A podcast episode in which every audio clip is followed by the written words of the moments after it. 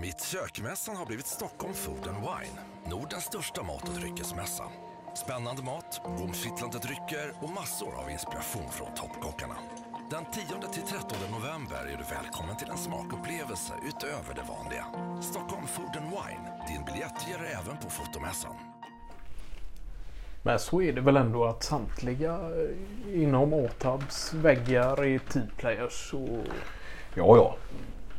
Alltid varit. eh, Ja, Sen är det många av dem som har haft. Jag tänker på en sån som Andreas Milton som hade eget företag länge och, och jobbade i egentligen enkom solo då. ja.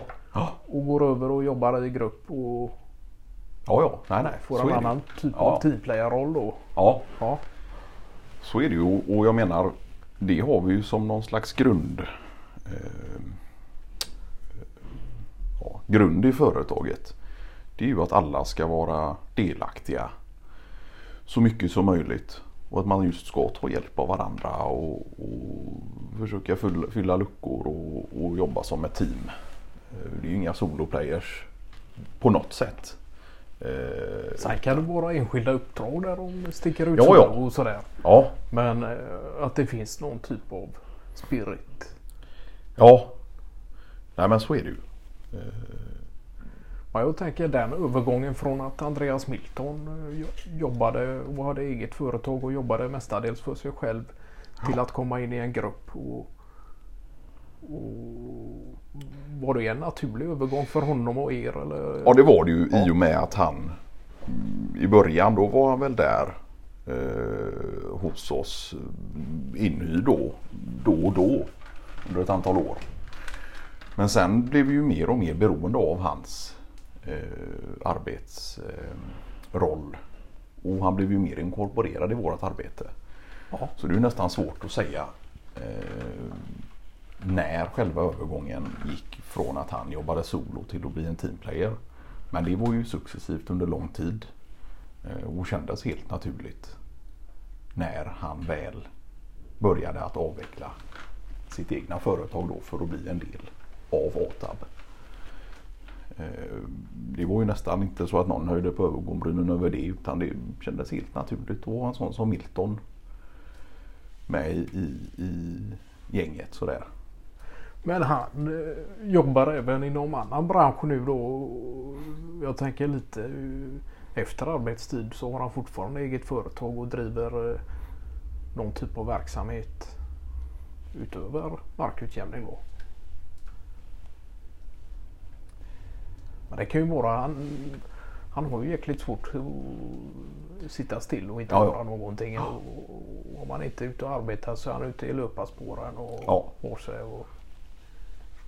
Men det var han och hans käresta som hade lite haft lite funderingar på någon gång i framtiden, kanske efter pension, öppna upp något bed and breakfast och, Ja. och, och sådär. Nej, men det har de ju pratat mycket om. Ja, Ehm, och det håller de väl på med så sm- smått. Och kolla på lämpliga ställen att bo på. Vart detta skulle kunna funka och sådär. Ehm, om just med tanke på att hans, hans käresta där har ju rötter i, i England. ja, ja. Och skulle vilja öppna något litet bed and breakfast med just lite engelsk Ja. toast och någon lite så engelsk eh, ja. biscuits och, och sånt som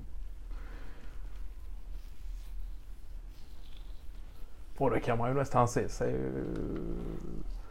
att Milton eh, stiger ur ett kök och levererar en eh, sausage till inkommande gäst. Ja.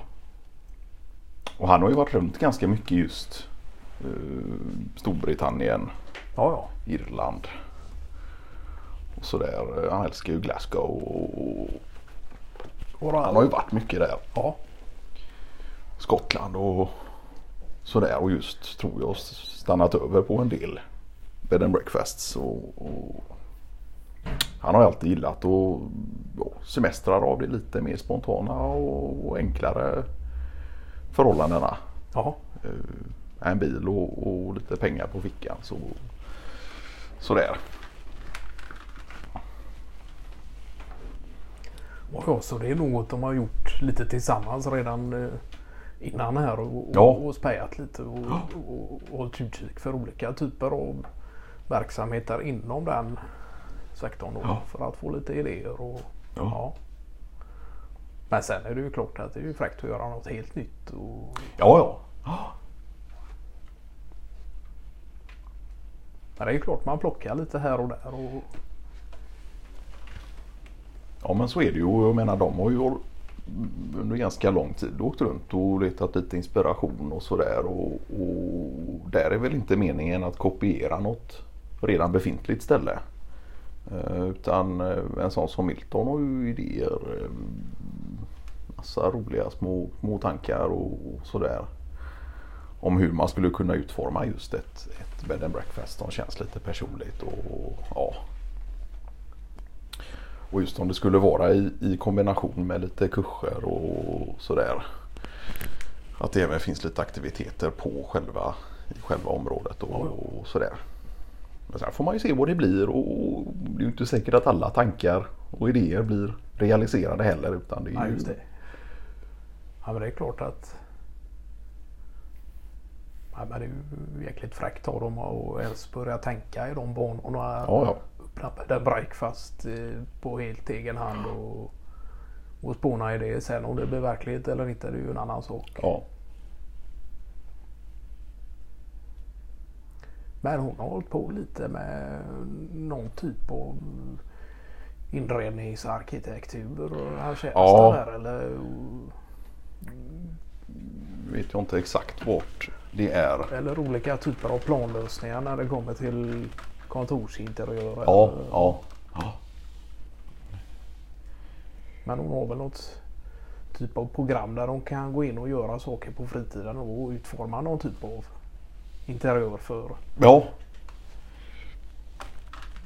Precis och där är hon väl dels rent om man nu ska säga ja, utseende. Att hon bestämmer över rum, alltså storlek på rum och vart de ligger och vilka rum som angränsar till vilka då och för att skapa någon slags eh, bra arbets ja, ro och arbetsflöde på specifika arbetsplatser. Då. Eh, Vart man väljer placering av diverse rum då helt enkelt. Ja. Och fönster och sådär.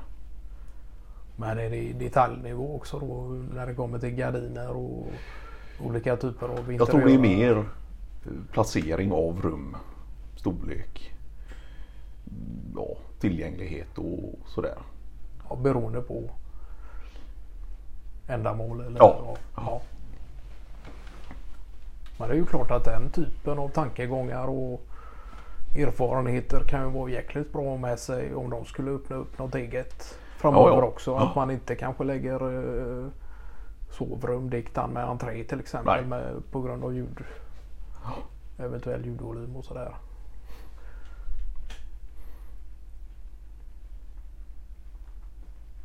Men han har lite knasiga idéer för sig Milton. Ja. ja. Det har han ju. Men nu, där de bor nu är ju ganska... Där är det ju ett förhållandevis stort flöde av lite turister och sådär. Dels för att det är nära lite fin natur och det finns goda möjligheter till fiske och även lite ja, hiking och, och sådär. Så om de just ska ha det i, i nuvarande bostads... Eh, ja, vart de bor nu eller om de har tänkt att flytta för att starta den här verksamheten. Det, det vet jag faktiskt inte. Men han är ju lite intresserad av allt möjligt och sådär. Eh. Men det är väl just det här tanken över om man enbart ska ha bed and breakfast. Eller om man ska erbjuda exempelvis guidade turer. Ja, ja. Eller aktiviteter på plats. Eller något sånt där då om man vill att folk kommer dit kvällstid och lämnar morgontid. Eller om man vill göra små happenings och ja. sådär. Och det kan väl vara någonting man klurar ut på vägen också. Ja. Och- Men det är ju klart att det ska finnas möjlighet till någon typ av aktivitet i närområdet då. Ja. För så stort flöde är det väl inte där att, att det kommer nödvändigtvis folk eh, var och varannan dag och, och sådär. Utan det ska nog ändå vara något som lockar lite. Något typ av paket.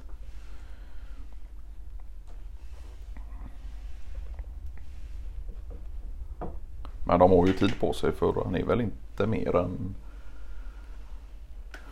52 Milton.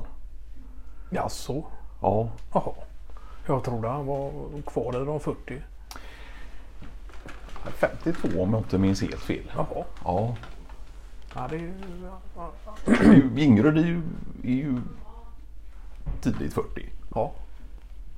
Ja, ja, han tänker man sig nästan som yngre ändå. eh, Ja, det är klart båda håller på och är friska i kroppen och motionerar och fysiska aktiviteter efter Ja. arbetstid och, och sådär.